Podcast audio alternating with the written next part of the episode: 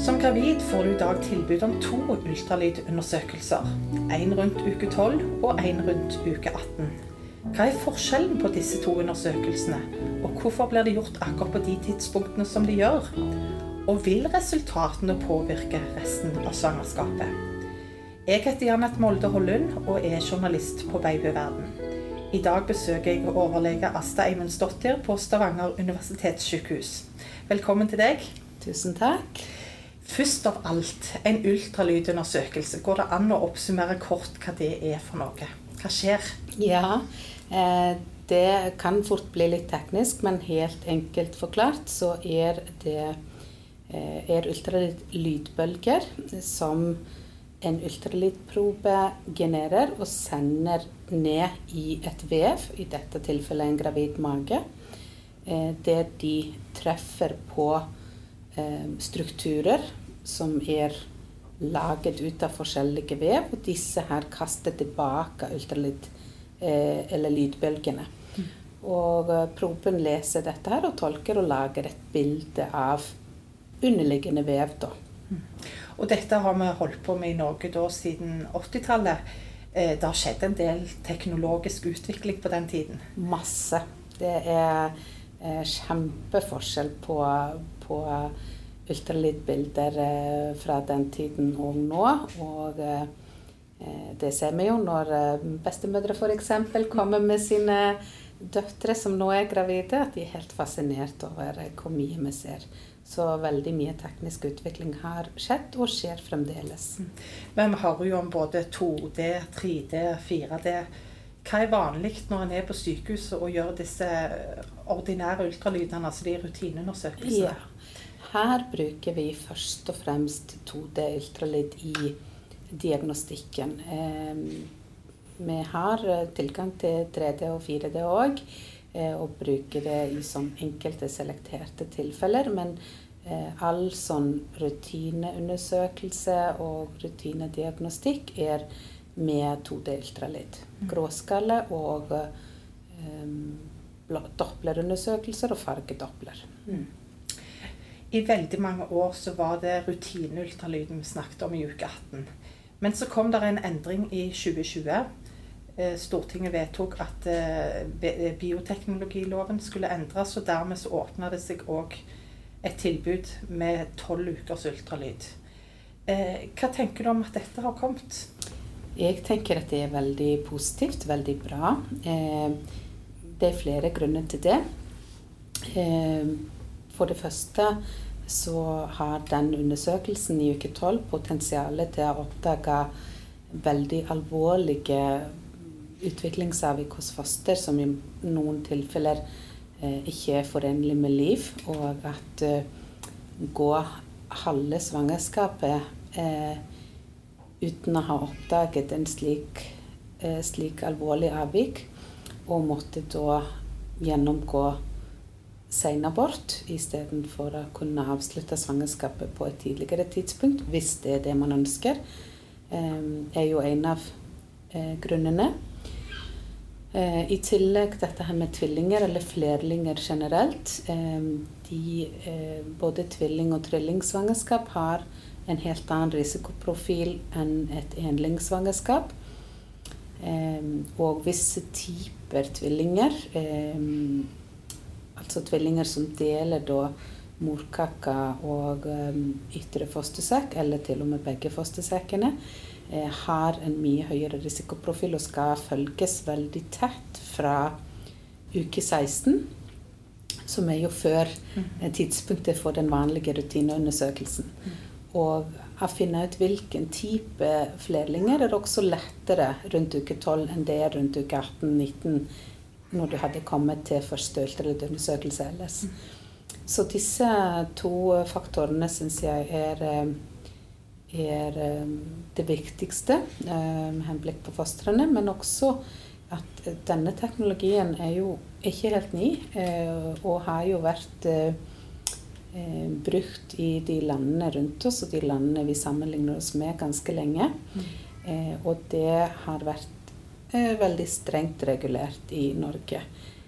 Som gjør at det har vært vanskelig for oss å sammenligne oss på en del områder med andre land, for vi har ikke hatt lov til å drive med denne diagnostikken. Mm. Men så er det vel òg en del som kom til dere i uke 18, som allerede hadde vært og sett gjerne både én og to ganger, men betalt av egne penger? Absolutt. Og dette er også et, et uh, prinsipp om, om uh, likestilling, eller at det er, uh, skal være likt for alle. Både de som har mye ressurser, og de som har mindre ressurser. Og det, det syns jeg er et veldig viktig prinsipp, og det er jo et prinsipp som er, er ganske etablert og viktig prinsipp i den norske folkesjela, at, at, at, her skal vi ha lik tilgang for alle. Mm. Og, så det er veldig positivt òg. Hvorfor har en valgt akkurat rundt uke 12? Altså det heter i eh, prinsippet altså 11 pluss 0 til 13 pluss 6. Ja. Eh, det er forskjellige grunner til det. Og kan jo være at eh, noen har organisert seg på en annen måte enn det vi har gjort hos oss. Men eh, det vil si at eh, det er primære målet med undersøkelsen er jo at punkt å telle om det er flerlinger eller, eh, eller eh, enkeltfoster. Eh, hvor morkaka er plassert. se på at det er liv og gjøre den første gjennomgangen av anatomien, samt å se på visse markører for kromosomfeil, da mest vanlig trisomi 21. Eh, og disse eh, markørene er til stede i det tidsrommet mellom 11 og type 14 uker. Etter det kan de forsvinne. Eh, så kan man si hvorfor gjør man ikke dette her hos alle da i uke 11, og da har man fått den informasjonen før uke 12 og grensen for selvbestemt abort. Og grunnen til at vi ikke har valgt oss nederste mulige eh, tidspunkt for å gjøre dette her, er at det begrenser informasjonen vi får ut av undersøkelsen. Så til eldre fostre er til mer ser dere? Absolutt. Mm -hmm. Og eh, anatomigjennomgangen, som er jo egentlig største biten av undersøkelsen, er lettere desto nærmere 14 uker det kommer. Og det kan være en helt annen informasjon og en helt annen undersøkelse i uke 12-13 pluss enn det er i uke 11 pluss. Men da vil gjerne noen tenke at det, hvis det skulle oppdages noe som eh, gjør at de ønsker å avslutte svangerskapet, så har de ikke fremdeles en selvbestemt rett til abort. Nei, og det er sant. Eh, og det er jo en, en eh, overveining eh, som vi har gjort for å kunne få tilby best mulig og mest nøyaktig undersøkelse versus ressurser. Det er helt klart at når vi går fra å tilby alle gravide én ultralydundersøkelse i svangerskapet til å tilby alle gravide to ultralydundersøkelser i svangerskapet, så skal vi ha flere folk. Vi skal ha mer plass. Eh, så det, det krever betydelige ressurser. Og disse folkene som gjør disse undersøkelsene, kan vi ikke plukke fra et tre. Mm. Mm. De må trenes opp. Så det har vi rett og slett ikke eh, eh, ja, Vi må på en måte tenke litt nøkternt om hvordan kan vi tilby dette på best mulig måte for alle eh, og gi best mulig informasjon. Eh, angående svangerskapsavbrudd, hvis en ønsker å eh, Hvis en får eh, informasjon om alvorlige avvik og ønsker å avslutte svangerskapet, så er det sånn at ja, det er selvbestemt helt fram til uke 12. Etter uke 12 og fram til uke 22 det, må det begjæres og behandles i nemnd. Men i praksis så er, er det ved påviste avvik vil ingen få avslag i nemnd på tidlig, en tidlig gestasjonsalder. Mm -hmm. Men så snakket vi òg om dette her med nakkefold. Mm -hmm. Mange tenker at dette er en undersøkelse som i hovedsak er for å for å se om barn har eh, Downs syndrom. Ja. Mange tror det, og det er litt viktig at vi, at vi presiserer at det er det ikke. Altså de som har økt risiko for kromosomfeil, de som er over 35 år eller har tidligere eh, født barn eller hatt et foster med påvist eh, kromosomavvik, de har jo tilbud om en tilleggsdiagnose med denne blodprøven, NIPT, som du har hørt om. Eh, og den en den blodprøven er en screening for Downs syndrom trisomi 13 og 18. Eh, ultralyden er ikke det, for ikke alle, alle fostre med Downs har en økt nakkefold. Men økt nakkefold er en markør. Hvis man ser den markøren, så vil vi selvfølgelig legge merke til det.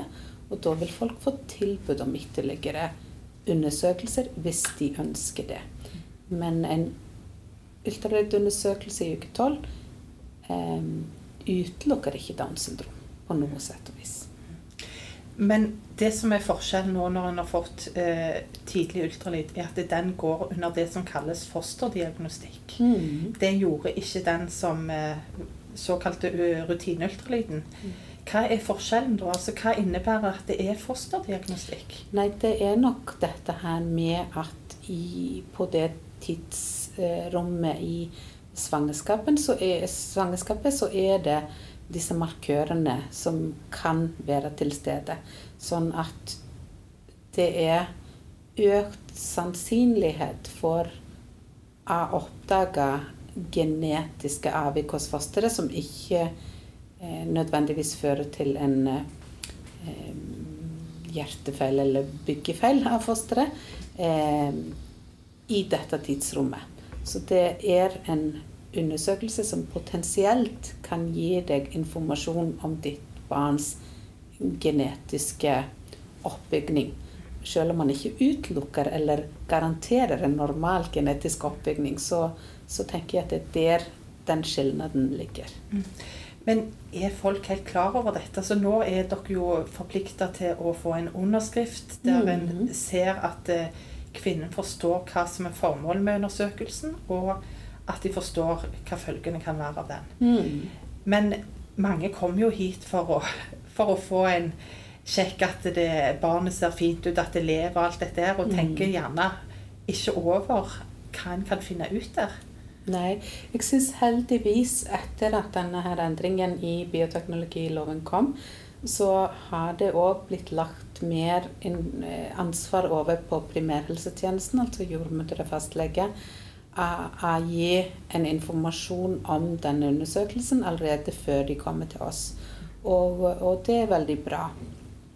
Så jeg syns faktisk at jeg ser færre og færre som eh, ikke har noe peiling om hva, hva dette her går i. Eh, men de kommer, de òg. Eh, at de har ikke gjort seg opp noen tanke om at, at her kan vi faktisk avdekke alvorlige avvik som vil føre til at de kan måtte ta en beslutning eller bestemmelse for hvordan de ønsker å håndtere sitt svangerskap videre. Eh, men det informerer vi alle om, uansett om de virker velinformerte på forhånd eller ikke.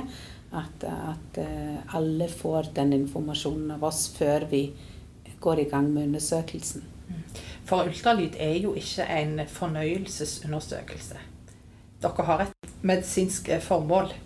Absolutt, og det er viktig å være klar over eh, for gravide. Og det er også viktig å være klar over at dette er ikke en obligatorisk undersøkelse. Du som gravid eh, har ingen plikt til å eh, få utført ultralydundersøkelser. Det er et tilbud og et valg. Og eh, fleste viser det seg velger å ta imot den undersøkelsen. Men da er det viktig at du vet hva det er du velger å ta imot. At dette kan potensielt avdekke eh, utviklingsavvik, både genetiske og andre typer, som gjør at kanskje utfallet av svangerskapet ditt blir et helt annet enn det du hadde tenkt. Og hvis du kommer opp i den problemstillingen da, ehm, så kan du da velge å få god oppfølging videre, eller du kan velge å avslutte svangerskapet. Men så er det jo noen tilfeller der en får falske positive svar på sånne tester. Det er ikke helt 100% garantert at alle svarene du får, er riktig. Mm, absolutt. Og, og, det er jo eh, medaljens bakside her. At, eh, at Én eh, ting er jo at vi kan oppdage ting som vi er helt 100 sikre på hva er, og hva slags prognose har. Det er jo én ting. Og en annen ting vi kan gjennomføre en undersøkelse der alt ser ut til å være sånn som det skal. Det er fint. Men så er det alle disse her som havner en eller annen plass imellom. Og det er en ikke, det er ikke en sånn raritet. Det er det ganske mange. At vi enten ser noe som er annerledes enn det helt typiske, men det er vanskelig å si hva det helt betyr for barnet sin prognose. Eh, eller med disse her ekstraundersøkelsene. Vi kan, vi kan finne en stor nakkefold som er sterk markør for kromosomfeil, men barnet er helt friskt. Mm. Altså veldig mange her kan ha det, så det kan være en falsk positiv. Mm. Eh, og NIPT-prøven òg er, når du bruker det i en lavrisikopopulasjon, så er det kanskje opptil 50 falske positive. Mm. Så, så, det er helt klart at vi kan òg med disse undersøkelsene øke betydelig på en bekymring. Men for å bare ta kort NIPT, det er et tilbud til de som enten har medisinsk indikasjon eller er 35 år eller eldre ved termin. Ja. Og det er en blodprøve? Ja. Så det er en blodprøve av mor, og fordelen med den er jo at den er uten, uten um, risiko for um, abort, eller at det går galt med svangerskapet pga. prøvetakningen. Um, så det er jo bra.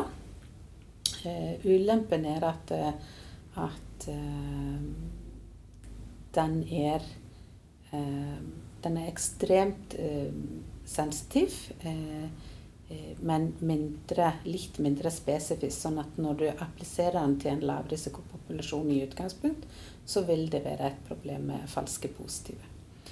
Og det er òg viktig, det informerer vi alle om, at, at NIPT er ikke et ja-nei-svar pga. dette med falske positive. Sånn at en NIPT som viser økt sannsynlighet for trisomi 21, 13 eller 18, må alltid bekreftes med en invasiv prøve. Og det vil si? invasiv prøve er en eh, prøvetakning av enten morkake eller fostervann, der man stikker med nål inn i eh, den gravide magen og tar eh, enten vann- eller vevsprøve.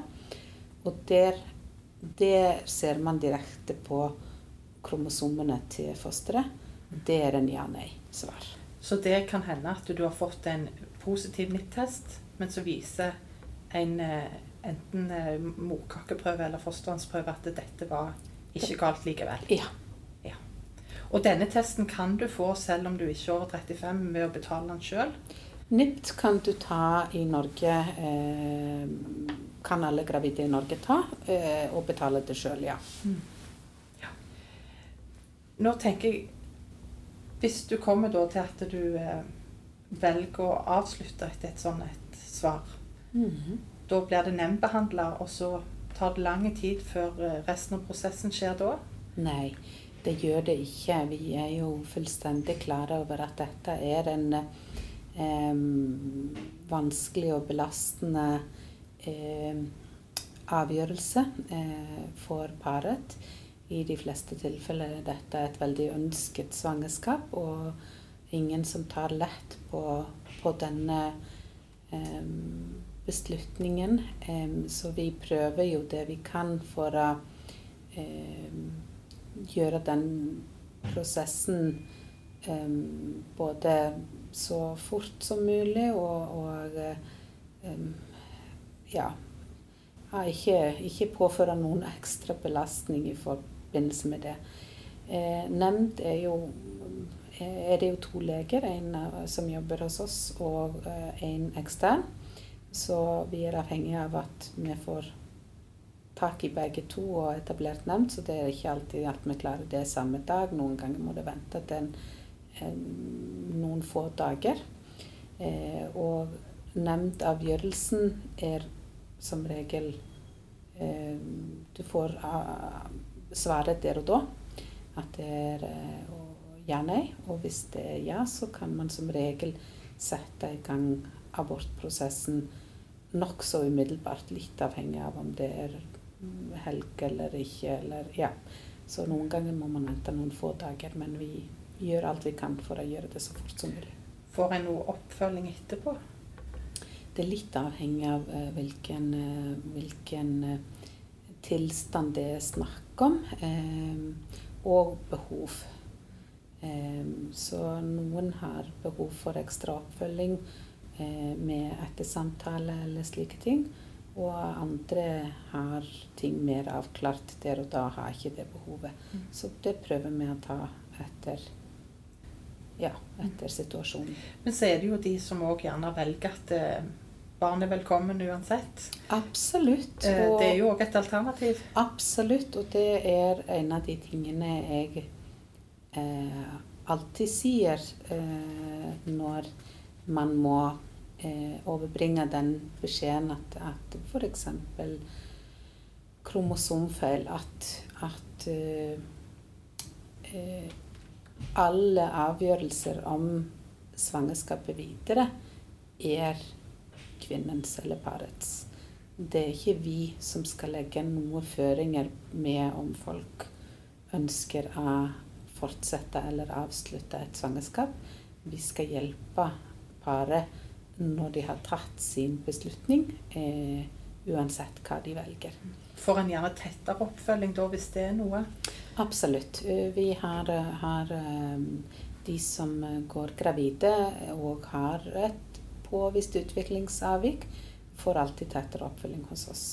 Så da, de kommer til en del ultralydundersøkelser videre i svangerskapet og har en, har en kontakt inne hos oss, ja. Nå tenker vi at vi gjerne er ferdig med det som var tidlig, og fram til det som tidligere var den ordinære ultralyden, mm. som er rundt uke 18. Er det noe vits i å ha den, da? når en har den tidlige? Ja, det er det. Det er jo sånn at det skjer utrolig massiv utvikling hos fosteret imellom disse to undersøkelsene. Og selv om de fleste organer er på plass og noenlunde utviklet allerede ved uke tolv, så, så både vokser de og utvikler seg videre. Så det er en del ting man ikke har mulighet for å oppdage på tolvukes ultralyd, som eh, en kan oppdage på, på rutineultralyd i uke 18 til 19. Hva kan det være? F.eks. hjertet er jo den mest komplekse strukturen vi ser på. Og i uke 12 så er hjertet noen få millimeter i størrelse. Og det er komplekst, og det beveger seg og det er inni et foster som beveger seg, inni en mor. Så det er vanskelig med hjerteundersøkelse i uke tolv. Vi gjør en sånn grov gjennomgang, men den er på ingen måte fullstendig. Og hjertefeil er jo en av de tingene som er veldig viktig å vite om på forhånd. For der kan det jo utgjøre forskjellen mellom liv og død om du har et, en hjertefeil som er uoppdaga og fødes på feil plass i dette landet. Mm. For hvis du oppdager, så kan du dra dit hjelpen er. Jepp. Mm. Så det er superviktig. Mm. Men hva gjør en ellers eh, på uh, ultralydundersøkelse da i uke 18? I uke 18 så uh, måler vi igjen fosteret. Vi har jo allerede hos de som har vært til tidlig ultralyd, så har de allerede fått termin. Som var jo en av de tingene som var grunnen til at man gjorde ultralydundersøkelse i uke 18. Eh, så det har man allerede fått, så vi endrer ikke terminen i uke 18. Men det finnes tilstander med f.eks. alvorlig morkakesvikt eh, som man da allerede vil kunne oppdage med at fosteret har ikke vokst som forventa. For alle fostre vokser noenlunde likt fram til uke 2021. Eh, og hvis vi ser stor diskrepans mellom det vi hadde forventa av eh, størrelse hos fosteret ved den undersøkelsen i uke 18 sammenlignet med den tidligere, så gir det oss en mulighet av å følge opp fra et tidligere tidspunkt og fange opp de fostrene som er i faktisk stor fare for å dø i mors liv pga. alvorlig morkakesvikt. Men her er det òg ting en kan gjøre? Her er det stort sett det som man kan gjøre i disse tilfeller når en oppdager det i uke 18, er jo å eh, følge grundig med og planlegge når denne babyen må komme ut av denne magen. Når er det ikke lenger trygt for denne babyen å være i magen lenger. Så en, en, en andre gjennomgang kan en si, og enda grundigere da i uke 18? Ja. Det er dette med, med veksten, dette med komplekse strukturer som hjertet, eh, som vi på ingen måte har god nok undersøkelse av i uke 12. Og så gjør en en Det er en grundigere gjennomgang av fosteret sin anatomi, fordi at ting har vokst utvikla seg og er lettere å se. Men òg her så kan det jo være at en oppdager ting som en ikke hadde sett før, som gjerne Absolutt. blir sett på som så alvorlig at noen tenker er dette noe jeg ønsker å fullføre? Absolutt. For det finnes ting både som vi ikke kan se på i uke 12, og det finnes også ting som er alvorlige, men som utvikler seg mellom disse undersøkelsene. Ehm, så, så der er det òg et potensial for å oppdage så alvorlige avvik selv om alt har sett normalt ut i uke 12. Hva gjør en da? Nei, da er det den samme eh, gangen i eh, videre utredning at eh, er det eh, er det Vi tilbyr som regel da invasiv prøvetakning i, i form av, eh, av eh, fostervannsprøve for å se om det er en underliggende genetisk feil. Eh, og fostervannsprøver gjør en eh, mye mer utvidet genetisk undersøkelse enn det NIPT har noe mulighet for å gi oss. Så der kan en eh, oppdage en del vanlige genetiske syndromer som kan være eh, årsak til forskjellige utviklingsavvik. Så det vil han tilby.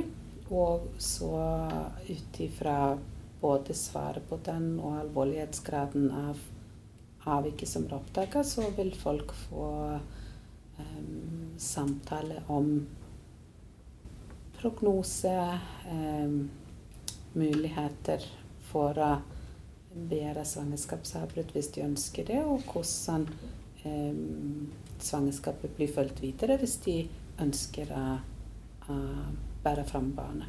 Og da er det eventuell nemndbehandling og fortgang i ting, for nå begynner det å nærme seg den Ja. eh, grensen for at det ikke er lov lenger med abort i det hele tatt. Ja, det stemmer. Eh, så her eh, gjør vi jo alt vi kan, og det er jo en av de grunnene vi er glade for at eh, vi har begynt å eh, gjøre ultralydundersøkelse i uke 12, at, at disse tilfellene blir nok færre.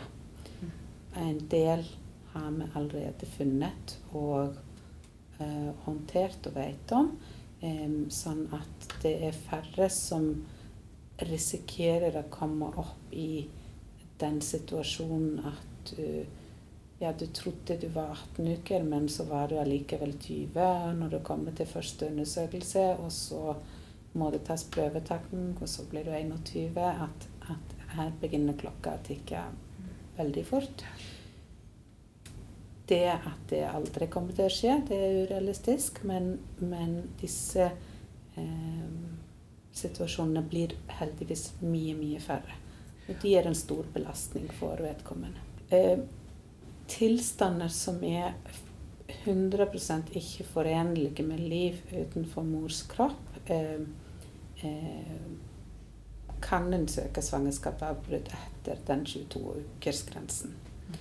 Eh, og en kan søke svangerskapsavbrudd etter den grensen for nesten hva som helst, eh, men eh, det blir ikke innvilget for før eh, etter uke 22, bortsett fra hvis det er fullstendig, fullstendig uforenlig med liv. Eh, men sånne ting som eh, eh, hjertefeil som i seg selv kanskje ikke er eh, superalvorlige, eh, men vil kreve en behandling etter fødsel, men som har relasjon til type kromosomfeil, og så viser det seg at det er en kromosomfeil som gir eh, veldig forsinka nevrologisk utvikling hos barnet eh, med psykisk utviklingshemming av forskjellig grad, at eh, der er det noen som vil da eh, ønske seg muligheten av, av bedre svangerskapsavbrudd. Nå ble det veldig alvorlig alt, men det er mange fine ultralydundersøkelser òg, om vi kan kalle det det. Det går Absolutt. som regel så går det bra. De aller, aller, aller fleste er veldig fine, og de aller fleste får heldigvis den eh, eh, eh, beskjeden de ønsker seg, at her ser ting fint ut. Her er alt som det skal, ut ifra det vi kan se. Og så er det, og da er det mange som spør ja, ja, men da er det frist, da. Eh, og det kan vi dessverre ikke si, for det er ting vi ikke kan se. Men, men det er jo klart at de aller fleste barn er heldigvis født friske og raske. Og, og de aller fleste undersøkelsene er jo òg normale undersøkelser. Så det er mange smil inne på ultralyd. Veldig mange smil. Det er stort sett en, en gledelig affære og, og veldig positiv opplevelse. Så det er heldigvis veldig bra. ja. Men bare sånn helt på tampen, der er noen ting som kan gjøre at det, det kan være litt vanskelig å ta ultralyd, har jeg forstått. Altså at ikke alltid bildene blir like gode. Eh, Det er gjerne greit å vite om. Ja, det er det. Ultralyd er jo lydbølger eh, som både sendes ned i vev, skal treffe strukturer der, og komme tilbake. Og da er det en del eh, tilstander som kan gjøre at kan forstyrre denne prosessen, rett og slett. Og eh, eh, kvinner med store muskelknuter i livmoren, eh, morkaka som ligger på framveggen og eh, øker avstanden fra ultralydproben inn til fosteret, eh, høy BMI, sånne ting kan gjøre, gjør undersøkelsen eh, teknisk dårligere. Og eh, gir oss visse utfordringer med, med eh, ja, at vi ikke får like bra bilder hos alle. Men hvis en skal oppsummere her, så tenker jeg at nå har du altså et, et frivillig tilbud om du vil ta eh, under, ultralydundersøkelse både i uke 12 og uke 18. Det er ingen som tvinger deg, du har lov, og du kan få viktige svar gjennom dette. Absolutt, du har helt rett i det. Mm.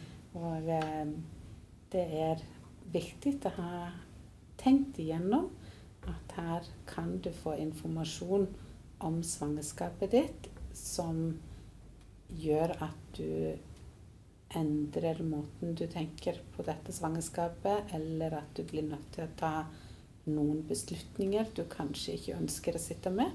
Så det må man være klar over på forhånd. Tusen takk for at du ville forklare oss eh, litt nøyere, så vi vet litt mer før en eh, går til den kontrollen. Bare hyggelig. Jeg håper, jeg håper nå at det eh, virker forståelig for, eh, for eh, de fleste. Så da det hyggelig.